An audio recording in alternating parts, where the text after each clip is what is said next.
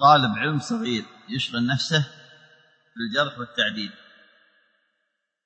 الجرح والتعديل إن كان يقصد به الكلام في جماعات البدع التبليغ والإخوان فالله يوفقه حتى لو كان صغير أبوه خمس سنين.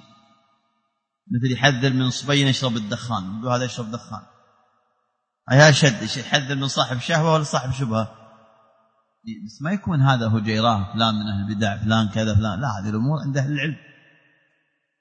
أما الشيء اللي انتهى من أهل العلم وتكلموا فيه فلا يضيره حتى لو وجدت لك صغير يقول لك القرضاوي من أهل البدع. صدق من أهل البدع معروف صاحب فتن. هذا من أكبر الخوارج في هذا العصر. إذا أكبر المجوسية معروفا من هو أكبر اليهودية معروفا فمن أكبر الخوارج في هذا العصر هو هذا الرجل القرضاوي.